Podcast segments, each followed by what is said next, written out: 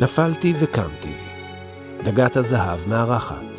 על משברים, תקווה והגשמת חלומות. עורכת ומגישה גלית בן גלס. בן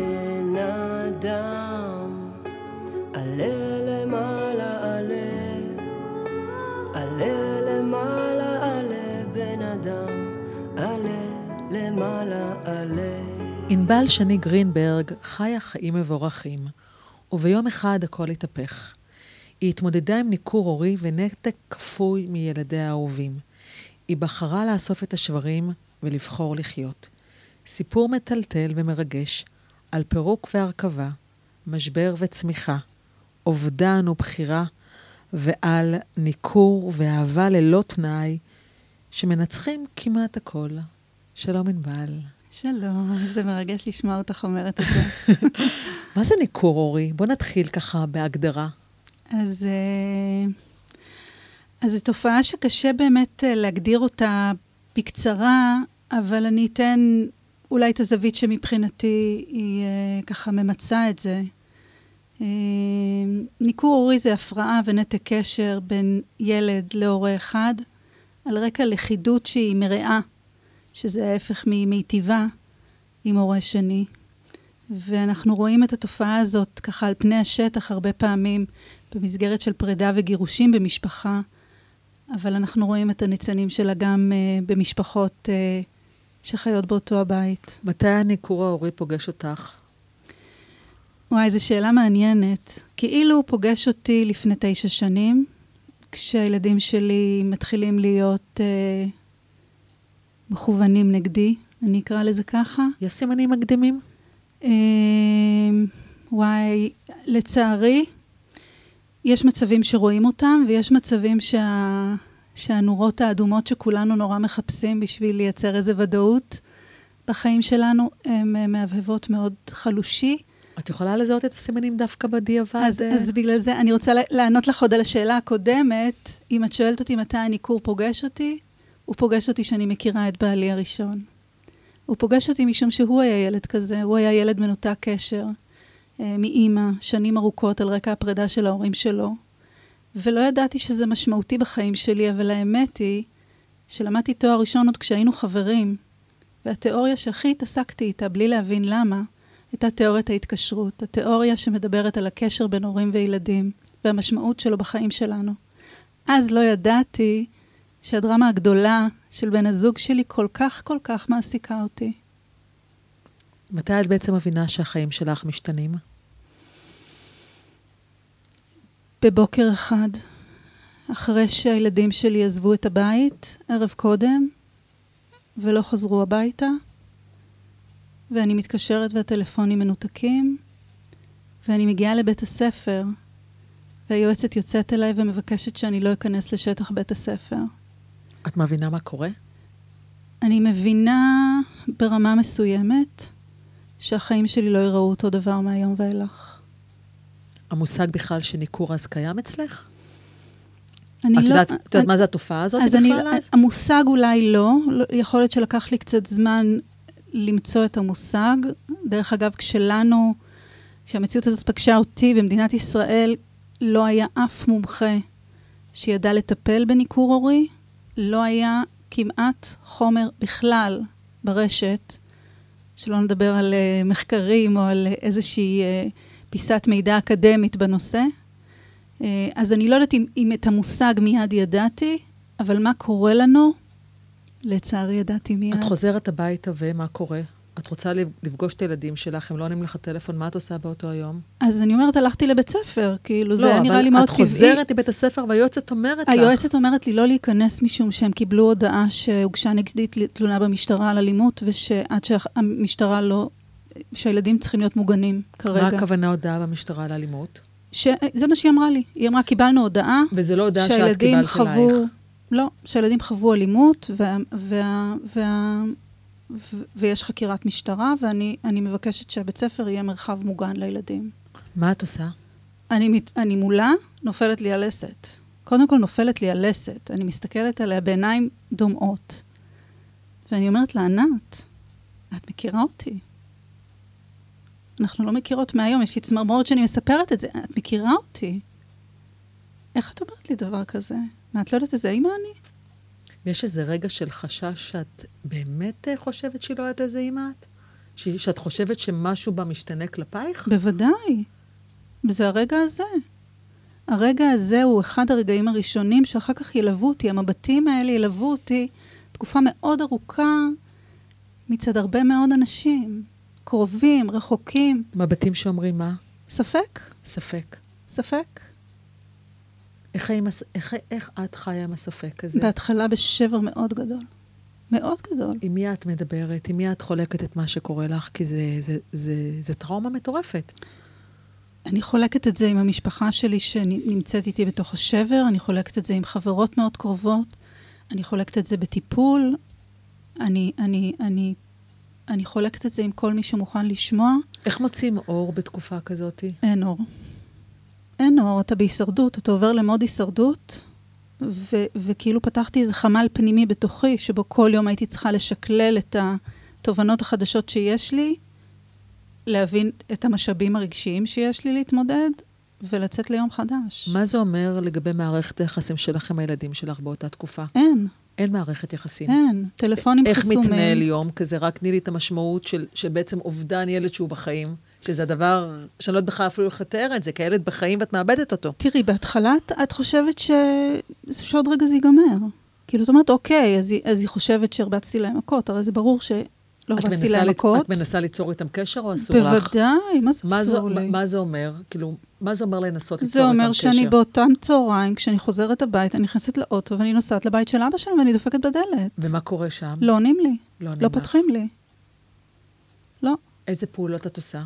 תני לי דוגמה לפעולות. אני עושה המון פעולות, זה לוקח uh, תקופה ארוכה של מלחמה על הקשר הזה, כי בשלבים הראשונים לא הבנתי שזה לא יקרה, אז אני מצלצלת לרווחה, ואני הולכת למשטרה, ואז אני מבינה שהוגשה תלונה, ו- ואני הולכת לעורכת דין, ואני מגישה אה, אה, פנייה לבית המשפט, שיעזרו לי לאכוף את, ה- את ההסדרים, הייתי משמורנית, היה לי סדרי שהות. איך הם מתמודדים עם העיוות צדק הזה? יש איזשהו משהו, אני מכירה את עצמי, וכשאני מגיעה לעיוות ולחוסר צדק, זה משתק. זה, זה משהו שהוא לא אנושי להכיל אותו. איך מכילים את זה? קודם כל, זה, זה, זה, זה לא רגע. זו תקופה ארוכה של, של, של כדור שלג של חוסר צדק, שלאט, לאט, לאט, לאט אני מבינה שמגלגלי הצדק לא תצא ישועה. את יכולה לתת לנו דווקא דוגמאות קטנות לחוסר צדק? דווקא למשל- שהמאזינים שנמצאים בבית, קודם כל יק- יקבלו מילים לחוסר צדק, קודם כל שהם חווים בעצמם. תראי, רגעים. למשל, אני, אני מניחה שכל בן אדם ששומע את השידור והתופעה הזאת לא מוכרת לו, אומר לעצמו, מה זאת אומרת הילדים לא חוזרים הביתה? אז תלך למשטרה, משטרה, תביא לה את הילדים. אז את הולכת למשטרה. והמשטרה אומרת לך, אנחנו לא מביאים ילדים מהבית של ההורים שלהם. אני לא יוצא עם ניידת ומביא ילדים. ואז את הולכת לרווחה. את אומרת, אוקיי, לא משטרה, רווחה. יש לי סדרי משמורת, יש לי... תחזירו לי את הילדים. וה- והעובדת רווחה אומרת לך, תלכי לבית משפט, אני, אין לי מינוי. אני אומרת לה, מה זאת אומרת אין לך מינוי? הילדים שלי צריכים להיות בבית שלהם והם לא בבית שלהם. מי אמור לעזור לי להביא את הילדים? והיא אומרת לך, את צריכה ללכת לבית המשפט, ואת הולכת לבית המשפט. ויש רגע שאת מנסה ליצור קשר עם הגרוש כדי להבין למה זה קורה ומה קורה? תראי, אני מיד הבנתי ש, שיש תלונה במשטרה. מי שהגיש אותה זה הגרוש שלי. אה, אני ניסיתי להתקשר, אבל לא היה שם מענה. זאת אומרת, אין מענה, זה אומר שאת גם חווה שתיקות מהצד השני. נתק, נתק. נתק. ודרך אגב, כשאני פונה לבית המשפט, שאתה אומר, אוקיי, אז תפני לבית המשפט, בית המשפט הרי יש לו החלטה, יש לי החלטה שיפוטית ביד, הוא יאכוף אותה. אז קובעים לך דיון עוד חמישה חודשים. שבחודשי החודשים האלה את אמורה בעצם לא לראות את הילדים שלך. את לא רואה את הילדים, את יכולה לדמיין דין. דבר כזה? לא. את אימא. לא. את יכולה לדמיין שאת מצלצלת בטלפון לאחד הילדים שלך כרגע והוא לא עונה, והפעם הבאה שאת תדעי מה קורה איתם יהיה עוד חמישה חודשים? אני יודעת מה קורה שהם לא עונים לי כמה שעות וכמה אני בהיסטריה מזה. איך אה, בעצם שורדים חמישה חודשים? איך? מה עושים בחמישה חודשים האלה? מתפרקים. מתפרקים לרסיסים קטנים, קטנים, קטנים של אדם. איך מוצאים תקווה באותה לא, תקופה? לא מוצאים תקווה. האמת היא שבשלבים הראשונים זו בעיקר הישרדות. זה בעיקר להתפרק, לאסוף את עצמי כל בוקר. לפעמים עידו, בן הזוג שלי, היה אומר שהוא היה אוסף אותי עם, עם יאה ומטאטא קטן, מדביק את כל החתיכות ומוציא אותי ליום חדש. בשלבים הראשונים, הרבה ימים הם כאלה. את בחמישה חודשים האלה מנסה לייצר פעולות, אה, להחזיר את הקשר עם הילדים? בטח, מה זה, אני הופכת עולמות. תני לי דוגמה לפעולות כאלה. אני הולכת עד הכנסת. אני נפגשת עם שר הרווחה. מה אני לא עושה? מולם? מולם טלפונים, הודעות, אני, בני המשפחה שלי, אנחנו נותקנו כולנו. אה, לא רק אני, אני, הסבא והסבתא, יש רגע שאת מחכה דודים. להם מחוץ ל- לבית? מחכה מחוץ לבית, מחכה מחוץ לבית ספר.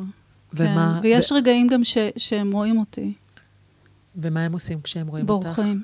בורחים. מהמם. איך מתמודדים כהורה עם דחייה כזאת? כי זו דחייה שהיא לא פשוטה. מתפרקים. באמת, אין לי תשובות uh, טובות. מתפרקים. אני חושבת ששום דבר בעולם לא מכין הורה לדחייה של הילד שלו. אנחנו לפעמים אומרים ששום דבר בעולם לא מכין אותנו חס וחלילה לאבד ילד. בדרך ללאבד ילד, שום דבר לא, לא, לא מכין אותנו ל, ל, לדחייה של ילד. אנחנו נועדנו להיקשר לילדים שלנו, והילדים שלנו נועדו להיקשר אלינו. בטח בשלבים שהם כל כך כל כך צעירים, שום דבר לא יכול להכין אותך לשבר כזה גדול, ואני אכן מתפרקת. אני מכירה לא מעט אנשים אה, שהם הורים מנוכרים, אה, גם גברים וגם נשים, ואני זוכרת איזשהו רגע עם אחד מהם, שהוא מנסה לייצר איזושהי פעולה מול הבן שלו, והבן שלו שולח לו הודעה, הודעת נאצה, שהוא מבקש ממנו לא ליצור קשר עד איום בתביעה משפטית, ואני זוכרת אותו מתפרק. אז אולי, אה, אם אנחנו רוצים כבר להתחיל קצת עם איזושהי, איזה, איזשהו how to להתמודד במצב הזה, אז אחד האתגרים הכי גדולים להורים מנוכרים זה לשרוד את הדחייה. ותהליכי נתק הקשר, או התהליכים שבהם יש רק עוד הפרעות עד שיש נתק, ובוודאי תהליכי חזרה לקשר, הם תהליכים שההורה נדרש לש, לשרוד בהם דחייה אקטיבית. איך שורדים דחייה אקטיבית? איך? קשה לנו לשרוד, אני רואה חתונמי, אנשים בחרדות נטישה מטורפות, הם לא שורדים דייט. איך אנשים היום שורדים דחייה אקטיבית שחוזרת שוב ושוב ושוב? דחייה מאיימת, שלך. שיש בה אגרסיביות, תוקפנות, מהילדים שלך. הרס, וגם לפעמים בגידה. זה ילדים שעשויים להקליט אותך, לגנוב ממך, להעליל עליך עלילות. זאת אומרת, הדחייה הזאת היא לא רק אני לא רוצה לדבר איתך, או אני לא איך רוצה להיות איתך מתמודדים יותר. עם זה? איך? אפרופו להעליל עלילות, אני גם כן מכירה סיפורים על... על אתה מעליל עלילות על ההורה שלך, ואתה כבר מתחיל להאמין שמה שאתה מעליל באמת קרה, למרות שאין לזה שום קשר למה שקרה אתה במציאות. חייב להאמין, כי, כי הנפש לא יכולה לשרוד דחייה כזאת בלי שאתה למד להאמין בסיפור הזה. עלייך העלילו עלילות? בוודאי, אני התמודדתי עם שתי חקירות משטרתיות על אלימות ו- והזנחה. איך, איך בוחרים בחיים? יש רצון למות? אה, בשלב מסוים בדרך עלתה השאלה, האם השאלה? אני יכולה להמשיך לחיות? ומה הייתה התשובה? ואני חושבת שזו שאלה ש... שלא כולנו שואלים אותה. בעצם אנחנו חיים על אוטומט, במובנים הטובים של המילה, החיים הם מובנים מאליהם. עד רגע מסוים בזמן שבו הכאב היה גדול מלהכיל. ואז עלתה השאלה, ואני אפילו הכנתי צידה לבחירה הזאת. הייתה לי שקית כדורים ליד המיטה, ואת השאלה הזאת ניהלתי בקרים מסוימים באופן מאוד, בכובד ראש, מה שנקרא. את מנהלת את השאלה הזאת עם עצמך, או כן. את משתפת אנשים אחרים? לא, זו שאלה שאני מנהלת, אני והשקית. אני והשקית, אני שואלת את עצמי, האם יש לי כוח להמשיך את היום הבא, או שדי. ומה התשובה? אני פה. אז, אה, אז התשובה בסופו של דבר הייתה שיש לי כוח. איך בוחרים בחיים ולא בשקית? אז, אז אני, אני באמת אומרת, אין, אין לי פטנט. אה, זו פשוט הייתה השאלה אם, אם נותרו לי כוחות להמשיך, ו, ו, ולמזלי הגדול מאוד, היו לי כוחות. אה, הייתה לי עזרה מסביבי, הייתה לי אהבה גדולה בבית, אה, במשפחה שלי, בזוגיות שלי, החברות שעטפו אותי, המטפלת שליוותה אותי, אה, והכוחות שלי שקיבלתי כשנולדתי. איך לא מוותרים על הילדים? האם מעצם זה שהם הילדים שלנו, אז זה forever? אין איזשהו רגע שאתה אומר, די, מספיק? זו שאלה מאוד אישית. אני לא חושבת שיש עליה תשובה. אני שואלת אותך באופן אה, אישי. אה, אצלי, השאלה הזאת, אה, התשובה עליה היא מורכבת, משום שמצד אחד אני הבנתי שאם אני לא אמצא דרך לחיות ולחיות טוב, אני לא רוצה לחיות. ולכן הייתי חייבת למצוא דרך לחיות בתוך הנסיבות הקשות של החיים שלי. זה אומר שהחיים בלעדיהם זה לא אופציה. אמ, במובנים מסוימים המלחמה עליהם הייתה החיים בלעדיהם זה לא אופציה, ובמובנים מסוימים הייתה ידיעה שאני לא אוכל להחזיר אותם אם אני אתפרק. ואם אני רוצה להחזיר אותם, אם אני רוצה להיות האימא שאני רוצה להיות לילדים שלי, אני חייבת למצוא תכלית לחיים האלה, כדי לא להישאר רק בחתיכה אחת, כדי להיות האישה המהממת שאני. יש להם רגעים של חמלה כלפייך? לא. הם רואים אותך מפורקת? אה, לרגעים, אבל הפרשנות שלהם לפירוק הזה היא מניפולציה. זאת אומרת, ברגעים שבהם הם כן ראו אותי, אה, במסגרת כפייה של בית המשפט, האמירות שלהם כלפי הרגש שיצא ממני הייתה שאני עושה מניפולציות. אני רוצה רגע להבין דווקא את הזווית של הילדים פה. שוב, מה הם עוברים בעצם? מה הסיפור שסיפרו להם? זה סוג קצת כמו כת. זה אז- סוג של שטיפת מוח. אז אני רוצה להגיד איך לך זה קורה, ש... השטיפת מוח הזאת, שהבן אדם הכי הכי קרוב אליך, שהוא ההורה שלך, הופך להיות אויב? אז אני רוצה, אין לי תשובה פשטנית לתופעה הזאת, כי מה שקורה לנפש של ילד בתוך התהליך הזה מורכב להסביר אותו בכמה מילים, ודרך אגב, ניכור לא מתבצע רק כתוצאה משטיפת מוח או הסתה. אה, יש הרבה מצבי ניכור שהלכידות המרעה הזאת שדיברתי עליה עם ההורה השני, היא לא לכידות של, של הסתה, וגם לפעמים לא לכידות של שליטה. את יכולה לתת דוגמה? כן. היא, היא, קוראים לזה enmeshment ב- בשפה המקצועית, ויש כל מיני סוגים של enmeshment. enmeshment זה, זה, זה, אין לזה מילה כל כך בעברית, אבל זה כמו פירה. פירה בין ההורה לילד. זה בעצם לגדל ילד שאין לו נפרדות. אין לו קיום משלו בעולם, ואם אין לו קיום משלו בעולם, אז מה שאני, ההורה, מרגיש או חושב, זה מה שהוא מרגיש או חושב. זה קרה עם הילדים שלך, הפירה הזה? במובנים מסוימים כן, והוא קורה דוגמה? כתוצאה מחילופי תפקידים. דוגמה רגע, כדי אז רגע, שנבין את זה. לפני שאני אגיד דוגמה, אני רק אסביר את הדינמיקה. באנמשמנט אין את ההיררכיה הטבעית בין הורה לילד. ההיררכיה הטבעית בין הורה לילד זה שאנחנו מורמים מעל הילד שלנו במובנים של ניסיון החיים שלנו, במובנים של המודל שלנו להיות אדם בעולם, במובנים של הדאגה, של ההורות, של ההיבטים הכי משמעותיים של מה זה להיות הורה. באנמשמנט יש חילופי תפקידים, ואז יש כל מיני תפקידים. יש הורים שהופכים את הילדים שלהם לבני זוג, וממש חולקים איתם אינטימיות זוגית. יש הורים שהופכים את הילדים שלהם לחבר, ומשתפים אותם בלבטים שלהם, בהחלטות שלהם. יש הורים שהופכים את הילדים שלהם להורה, שהילד מטפל בהורה. החילופי תפקידים האלה עשויים לייצר ניכור שהוא לא תוצר של הסתה. שאת בעצם מתארת את המצב של ההורה שמנקר. נכון. את היחסים. ההורה המנקר יודע שהוא מנקר? לא. לא. זאת אומרת, אם עכשיו לא. יקשיב לשידור הזה, הורה ההורים- שמנקר, יזהה את עצמו, הוא יזהה את עצמו ככזה? לא. רוב ההורים, אני, אני, לא משתמשת בדרך כלל בכיתוב הזה בין הורה מנקר להורה מנוכר, אני קוראת לזה אה, אה, הורה מועדף והורה דחוי. אוקיי. ההורה המועדף ברוב המקרים לא רואה את עצמו כמזיק לילד, אלא להפך, רוב ההורים המועדפים רואים את עצמם כמי שמצילים את הילד. את חושבת שיש היום איזושהי אופציה לשנות את ה-point of view של ההורה המועדף, או ההורה המנקר, ל- לתהליך שהוא יעבור עם עצמו סוג של ריפוי, ודרך זה גם... אה,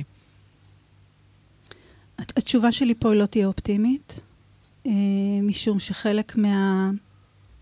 חלק מההורים המועדפים במצבים האלה הם הורים שיש להם הפרעות נפשיות, או הפרעות אישיות, או טראומות לא מעובדות, אה, ולכן המוטיבציה שלהם לשינוי היא, היא מורכבת. וזה אומר שהם גם אה, מנותקים מעצמם, כי הם יקשיבו לזה, הם אפילו לא יזהו את עצמם ככאלה. אני, אני לא חושבת שהם יזהו את עצמם ככאלה. לא. ההורה המנקר מבין את רמת הנזק שהוא יוצר לילד שלו? לא. רובם לא. הם חושבים שהם פועלים לטובת הילד. כן, רובם. יש, יש הורים שבמובנים מסוימים יודעים שהם עושים נזק, אה, וזה דווקא הניכור שאולי יותר נראה לעין. הגרוש שלך ידע את רמת הנזק שהוא יוצר? ממש לא. ממש לא. ממש והיום לא. בדיעבד? אני לא יודעת. את לא יודעת. לא. את באותה תקופה נמצאת בזוגיות תומכת בבית? כן. כן, אני נמצאת בזוגיות ארוכה כבר חמש שנים. חמש שנים תקופה, לפני. כן.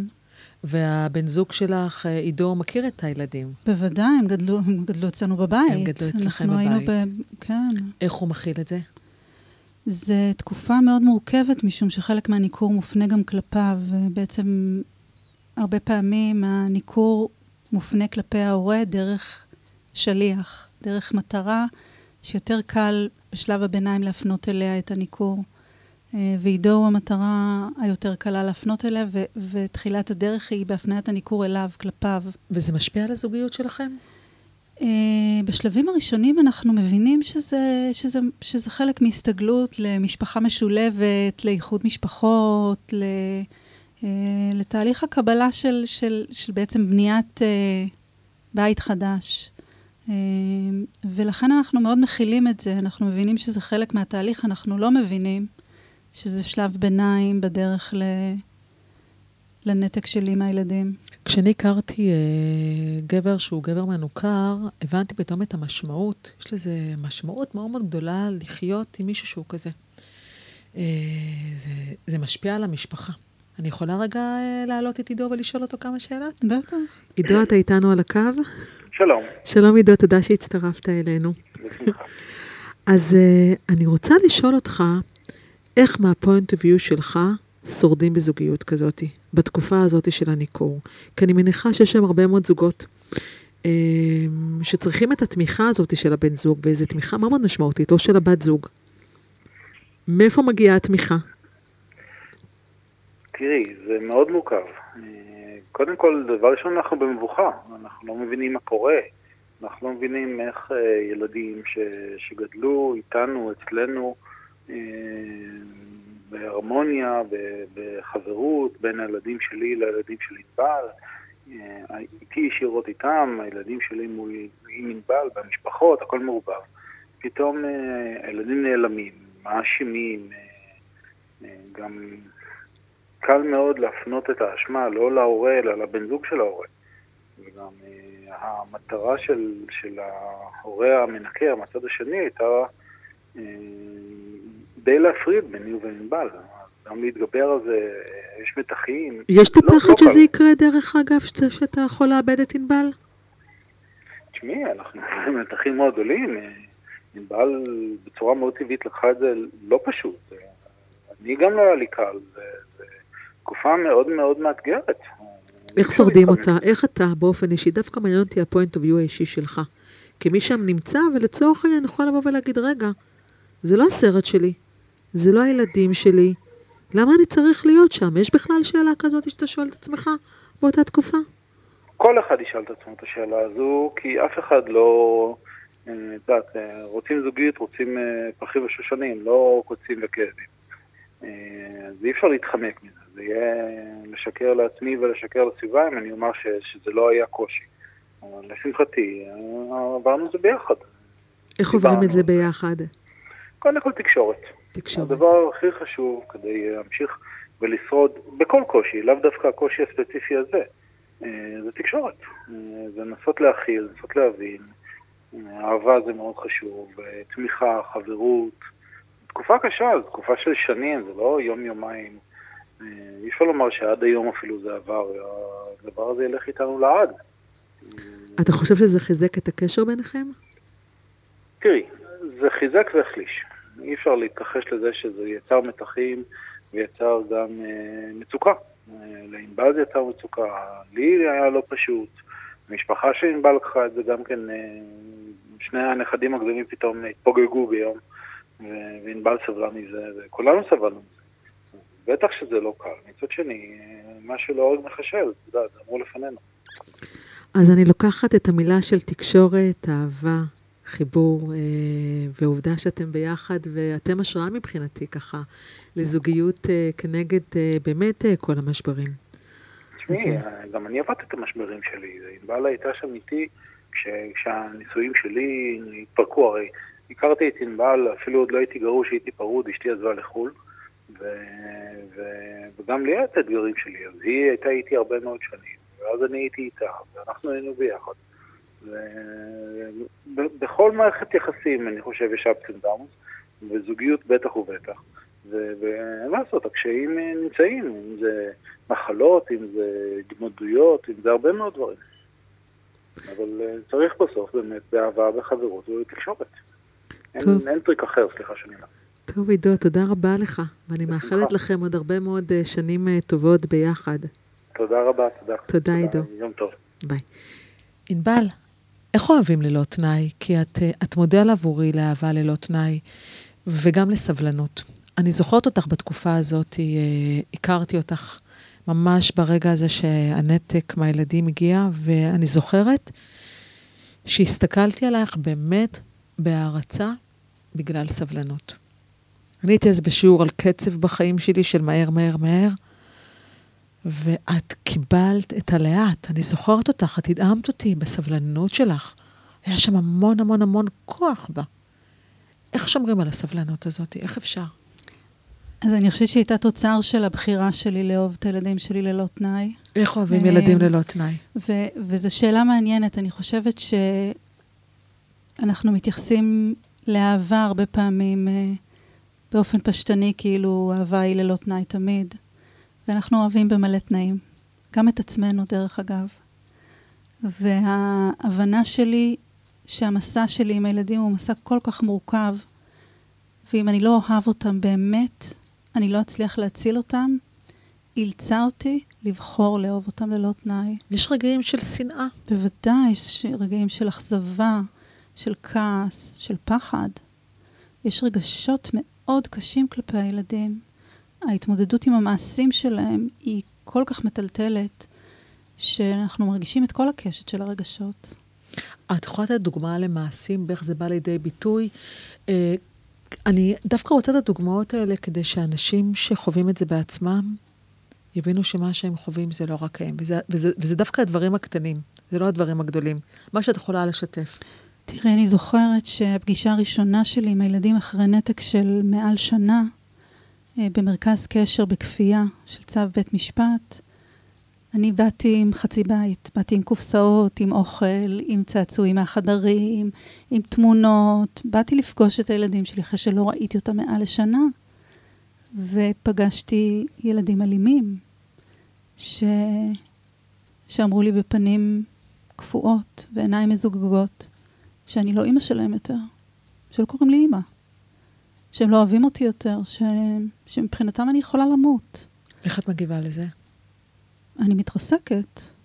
מולם אני עומדת מולם, והעיניים מתמלאות דמעות, ושלהם? והלב נשבר.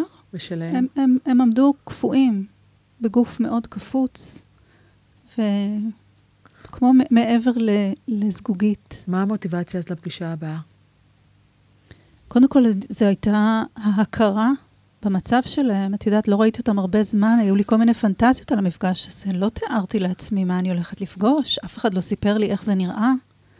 אה, זה היה שבר מאוד גדול, אבל גם הבנה של מה האתגר שלי, שאלה הילדים שאני הולכת לפגוש מעתה והלאה, ו- ואיך מתמודדים עם ילדים במצב הזה. ו- ושם גם חלק מההבנה שלי נפלה, שילד במצב הזה, אני לא אוכל להחזיר אותו אם אני לא אלמד לאהוב אותם, גם במצב הזה. את זוכרת את השינוי שמגיע פתאום, איך זה הופך להיות קצת משהו שהוא אחר, שמתחילה התקווה? רגעים של, של, של תקווה? הן מגיעות, הם, התקווה מגיעה במנות מאוד מאוד קטנות. כמו מה? מבט, שפתאום ממבט מזוגג הפך להיות מבט עם רגש. ניואנסים קטנים, גוף שמפסיק להיות קפוץ ומתחיל להיות רפוי, וממשיך עד לחזרה לקרוא לאימא, עד הסכמה לאכול אוכל שאני הבאתי. זה כאילו מחוות שנראות לנו כל כך טבעיות וקטנות ונורמליות, אבל במצבי ניכור הם מדע בדיוני, יש מחווה ורגרסיה גם? כל הזמן. כל הזמן. כל הזמן. איך מתמודדים עם זה? זה, זה פינג חלק פונג ו- מהחוסן, חלק מהחוסן הרגשי שהורה נדרש לעמוד בו בתוך ההתמודדות הזאת, זה היכולת להתפרק ולהרכיב את עצמך מחדש. זה גם חלק מהבחירה לאהוב ללא תנאי, היא הופכת את הלב שלנו להרבה יותר גמיש. אני פעם כתבתי על זה משהו בבלוג שלי, שכשאני התפרקתי לרסיסים, העיניים שלי ורסיסי הנשמה שלי הפכו להיות בצק. והלב שלי למד לפעום, בלי להישבר. הוא לא, לא פחות כאב, הוא כאב, אבל היכולת שלו להתגמש הפכה להיות הרבה יותר, קצת כמו המוח הגמיש שלנו, גם הלב שלנו יודע להיות גמיש. אבל בשביל להיות גמיש, הוא צריך להיות פחות נוקשה. אה, בשביל להיות פחות נוקשה, הוא צריך להסכים להיפגע. ובהורות מנוכרת יש כל כך הרבה פגיעות, כל כך הרבה פגיעות, שאם הלב לא לומד להיות גמיש, הוא לא שורד את זה. יש רגע שאני זוכרת מהעבר, שאת אומרת, אני כרטיס אשראי. שאת מסכימה להיות כרטיס אשראי, אם זה מה שיחבר אותך לילדים שלך. כן. שזה הסוג שמבחינת, שהם מסכימים שתקני להם. אני חושבת שבשלב מסוים אני הבנתי שהילדים, אפרופו חזרה לקשר, מסמנים לנו את הנתיבים שבהם הם יכולים לחזור לקשר. הנתיבים שכרגע בטוח להם לחזור לקשר. ואחד הנתיבים הראשונים שאני רואה בהרבה משפחות מתמודדות כמונו, היא כסף. לילדים מנוכרים, אם יש לגיטימציה אחת לקשר עם ההורה הדחוי, זה לקחת ממנו כסף. שיכול להיות שזה סוג של תירוץ עבורם גם uh, ב- בלח... קצת לרדת מההר ולחזור? זה לא לרדת מההר, זה פשוט נתיב לגיטימי. נתיב לגיטימי. זה נתיב לגיטימי לקשר, שהרבה פעמים הוא, הפרשנות שלו היא ניצול. זאת אומרת, גם, גם של ההורה הדחוי, החוויה שלנו, שהקשר הוא מתגלם רק בטרנזקציות כלכליות, היא שאתה מנוצל. אה, ההבנה שלי הייתה ש, שזה גם זה קשר, ואני רוצה לעבוד איתו עם הקשר הזה. וזה מדהים, כי את לוקחת את הניצול הזה לכאורה, ואת... אה, ואני מוד- מזמינה ואת, אותו. ואת מודה עליו. נכון, ואת מודה עליו. נכון, כי הוא קשר. כי הוא קשר. כי הוא קשר, ואני לומדת לעבוד איתו, אני לומדת לטעון את הנתיב הזה בתוכן שהיה חשוב לי, באהבה. איך זה בעצם משנה את חייך, הסיפור הזה? אני מאמינה שמתוך המשברים הכי הכי גדולים שלנו, אנחנו גם משנים אלמנטים שקשורים לקריירה שלנו. איך זה בא לידי ביטוי אצלך? לקח לי זמן להבין את זה, אבל בעצם התחלתי את הקריירה האקדמית שלי בפסיכולוגיה, אבל ברחתי כמו, כמו מאש. שזה מלטפל- בשנות ה-20 לחייך. נכון, כן. בלטפל באנשים. פחדתי ש... לפגוש אנשים בתהומות האנושיות שלהם. ולא הבנתי, אבל ככל שהתחלתי לדבר את התופעה הזאת בקול רם, לספר על מה שקרה לי ולפגוש אנשים מתמודדים, הגעתי בדרך לא דרך ללימודי פסיכותרפיה. אני עד היום לא יודעת מה שם ניווט את הדרך, משהו שאולי מתחבר יותר לעולמות של תחושת בטן, או איזה כוח פנימי שיש לו. אומרים שהדרך חכמה מההולך. איזה דרך הובילה אותי ללימודים האלה ולהקמת העמותה בישראל. עמותה של? העמותה אה, למניעת ניכור הורי. ל- להעלאת המודעות ול- ולמלחמה בתופעה האיומה הזאת. וואו, שזה מדהים איזה... ש, שבהשראת הסיפור והכאב המאוד מאוד גדול שלך, בעצם את uh, יכולה לתת את המתנות שלך כרגע, את מה שעשית עבור עצמך uh, כהשראה. אז אני חייבת להגיד שזה התחיל אפילו לא מהמקום של מתנות, ובטח לא הרגשתי השראה, הרגשתי אה, אימא מתמודדת עם קושי רב, וחיפשתי אנשים כמוני. חיפשתי לא להרגיש לבד בתוך הגיהנום הזה. כמה אנשים כמוך יש היום?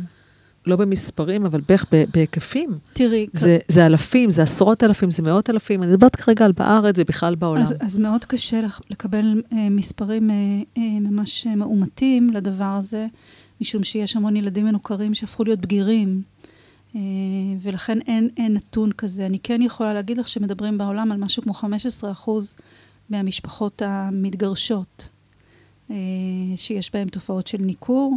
אם בישראל 14 אלף אה, אה, משפחות, יש בהן גירושים בכל שנה, אז תעשי חשבון, זה 1,500 בתי אב, ממוצע של 2.3 למשפחה, אז 4,000 ילדים מצטרפים כל שנה אה, וזה לא כולל את הילדים הבגירים, אני מניחה שיש בישראל עשרות אלפים, אם לא מאות. אם יש שם ילדים שבעצם יש להם נתק עם אחד ההורים שלהם, איך הם יכולים לזהות שבעצם הם עוברים ניכור? אה, אני חושבת שבעיקר במסגרת טיפול, אה, בתוך תהליך העבודה המאוד אינטימי עם אדם אחר שעוזר להם ככה להסתכל על החיים שלהם מבחוץ ומבפנים, ולפעמים דרך קריאה של טקסטים. זה מאוד אה, מפחיד לגלות את זה, אבל זה גיהנום לגלות את זה. אה, אולי לפעמים אה, עדיף עבורם לא לגלות מאשר לגלות? יש איזשהו יתרון בלגלות את אני- הרגע הזה? אני, אני, אגיד, אה, אני אגיד אולי משפט קצת מורכב. אה, ילדים מגלים את זה בהדרגה, בהתאם לחוסן של הנפש שלהם, להתמודד עם הידיעה הזאת. אה, ולנו, ההורים, לפעמים יש צורך נורא גדול שהם ידעו. כדי שהם יבינו מה קרה להם, כדי שהם יחלימו, כדי לחדש קשר. אבל הנפש של הילדים שלנו, בטח בתופעה הנוראית הזאת, שהיא בעצם מופנית נגדה, כי, כי כדי לדחות הורה בחוץ, אתה צריך לדחות אותו קודם כל בפנים. ולדחות אותו בפנים זה לדחות חלק ממך. ולהבין שמישהו גרם לך לעשות את הנורא מכל ולדחות חלק בתוכך, בשביל להשיג איזה משהו שהוא לא האינטרסים שלך, הוא לא טובתך, זו הבנה כל כך מטלטלת, שלוקח לנפש זמן לעכל אותה. והרבה פעמים אני מגלה שילדים שמעכלים את זה מוקדם מדי, או בעוצמה גדולה מדי, מתפרקים. מה המצב שלך היום עם הילדים שלך? אני חזרתי לקשר מלא עם הילדים שלי. אה, הם כמובן קוראים לי אימא, אבל הרבה, הרבה מעבר לזה, אני אימא מאוד משמעותית בחיים שלהם היום. הם יודעים שהם עברו ניכור? אני לא יודעת אם הם יגידו שהם עברו ניכור, אבל הם יודעים שאני עוסקת בתחום. הם יודעים שאני מטפלת במשפחות. הם יודעים לזהות שזה קורה, הם מצלצלים אליי לפעמים להראות לי איזה כתבה בעיתון, או איזה משהו בטלוויזיה. הם, הם יודעים ולא יודעים בו זמנית. כשהתחלת להרצות על הסיפור שלך ובכלל לעסוק בזה, קיבלת את האישור שלהם? בוודאי. מה הם אמרו לך? אני חושבת שזה היה, אפרופו אחד רגעי התקווה שלנו, היה השיחה הזו. על... אני לא ביקשתי רשות לספר את הסיפור, אבל אני אמרתי להם שאני הולכת לדבר על מה שקרה לנו, ושאלתי אם יש דברים שחשוב להם לומר לי, כדי שאני אשמור עליהם. שאני לא אעשה משהו שלהם קשה מדי. והבן שלי, שהוא היה האגוז הקשה, בין, יש לי שני בנים, אחד מהם היה יותר מוביל ב- ב- בתחייה של הקשר שלנו, אמר לי משפט שאני הולכת איתו ותמיד אני מספרת אותו בהרצאה שלי. הוא אמר לי, אמא, את יכולה להגיד מה שאת רוצה. הדבר היחיד שחשוב לי זה שתגידי שזה הסיפור שלך, ולי יש את הסיפור שלי, ולאבא יש את הסיפור של אבא.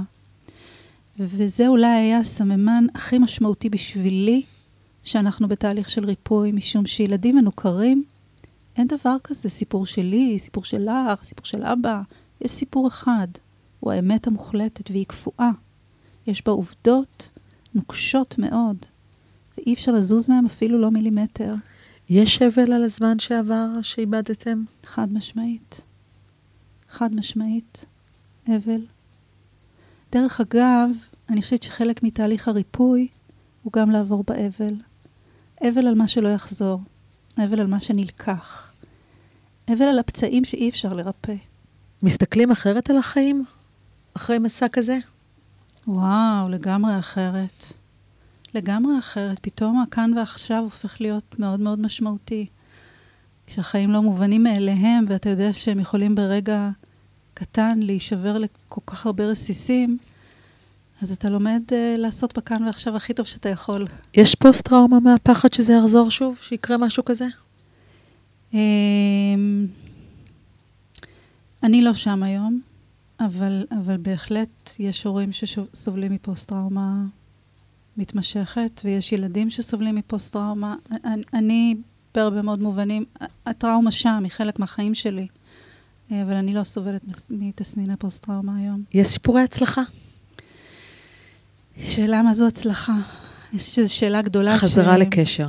יש הרבה מאוד חזרות לקשר, הרבה מאוד חזרות לקשר, אבל הן חזרות לקשר מורכבות. הן לא, הרבה פעמים יש לנו איזו פנטזיה שהילדים אה, פתאום יכירו במה שקרה ויחזרו למקום שממנו נפרדנו, אבל כולנו פצועים, ולכן גם החזרה היא חזרה של אחרי קרב, אה, ויש עליה צלקות, והיא מורכבת. אה, אבל חד משמעית, יש חזרות לקשר, והרבה פעמים חלק מהעבודה שאני עושה היום עם, עם משפחות מתמודדות זה להכיר, להכיר בהצלחות, גם אם הן קטנות, לאסוף אותן, ללקט אותן, לראות אותן, לשים עליהם את הפנס. כל צעד קטן שהילדים עושים, כל צעד קטן שהקשר עושה, זו הצלחה. יש איזשהו סיכום שאת יכולה לייצר עכשיו, בקצרה, של מה אפשר לעשות? כן. מה אפשר לעשות ככה, אם ככה בנפלתי וקמתי, יש תמיד את הקמתי, שזה הרגע האופטימי. מה הפעולות הפשוטות שאפשר לעשות? אז בראש ובראשונה, ואני פונה כרגע להורים המתמודדים, להורים שנמצאים בנתק קשר או תוך כדי הפרעות או בחזרה לקשר, לקום. לקום. לקום מהמיטה, לאסוף את עצמך, לעבוד, למצוא זוגיות, למצוא טעם לחיים, שהוא לא רק השבר מהילדים, משום שהילדים, אני תמיד אומרת להורים, אם אתה תצליח להחזיר את הקשר, או יום אחד הילדים יחזרו לקשר, הדפיקה בדלת הזאת צריכה למצוא הורה בחתיכה אחת. הורה שניצב על הרגליים שלו, שמסוגל לחייך, שמסוגל לפרוס את הידיים הארוכות שלו מהשיר הראשון שלנו ולאהוב. ובשביל שאנחנו, ההורים, נהיה במצב הזה, אנחנו צריכים לקום על הרגליים. ו- וזה קצת כמו במטוס, קודם כל לשים לנו את המסכה על הפנים. ולכן אני אומרת להורים שמתמודדים, קודם כל לטפל בעצמם. קודם כל לקום על הרגליים. ילדים לא חוזרים לבית מפורק. בטח לא אם הם מפורקים מהדרך. מה השם של העמותה ואיך ניתן ליצור איתכם קשר?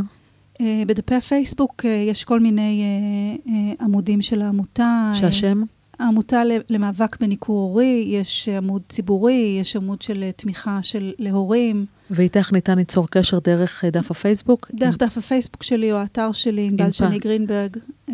הסלוגן שלי הוא ניכור הורים מנצחים באהבה, ואני מאמינה בזה בכל תא בגופי. אני מאמינה שאפשר לנצח ניכור. אה, זו הצלחה שהיא לא מחיקה של מה שהיה, בטח לא טראומה כל כך גדולה ומתמשכת, אבל היא כן תקומה. היא כן היכולת לייצר קשר בריא, מיטיב, חם, קרוב, אוהב, גם עם ילדים שחוו נתק ארוך מאוד. ענבל שני גרינברג, תודה רבה שהגעת, ו... פרסת בפנינו את סיפור חייך מעורר ההשראה. אני חושבת שאת באמת אה, דוגמה מהלכת לאהבה ללא תנאי, מעבר לסיסמה שלה. את הוכחת את זה בחייך, ואת עדיין מוכיחה, ואני זוכרת אותך בתקופה הזאת. ואהבה ללא תנאי. אה, אז תודה לכם, המאזינים. אני מזמינה אתכם לשתף את הפרק הזה. אם אתם מכירים ילדים שיש בהם נתק מההורים, תשלחו להם. מי יודע מה יקרה.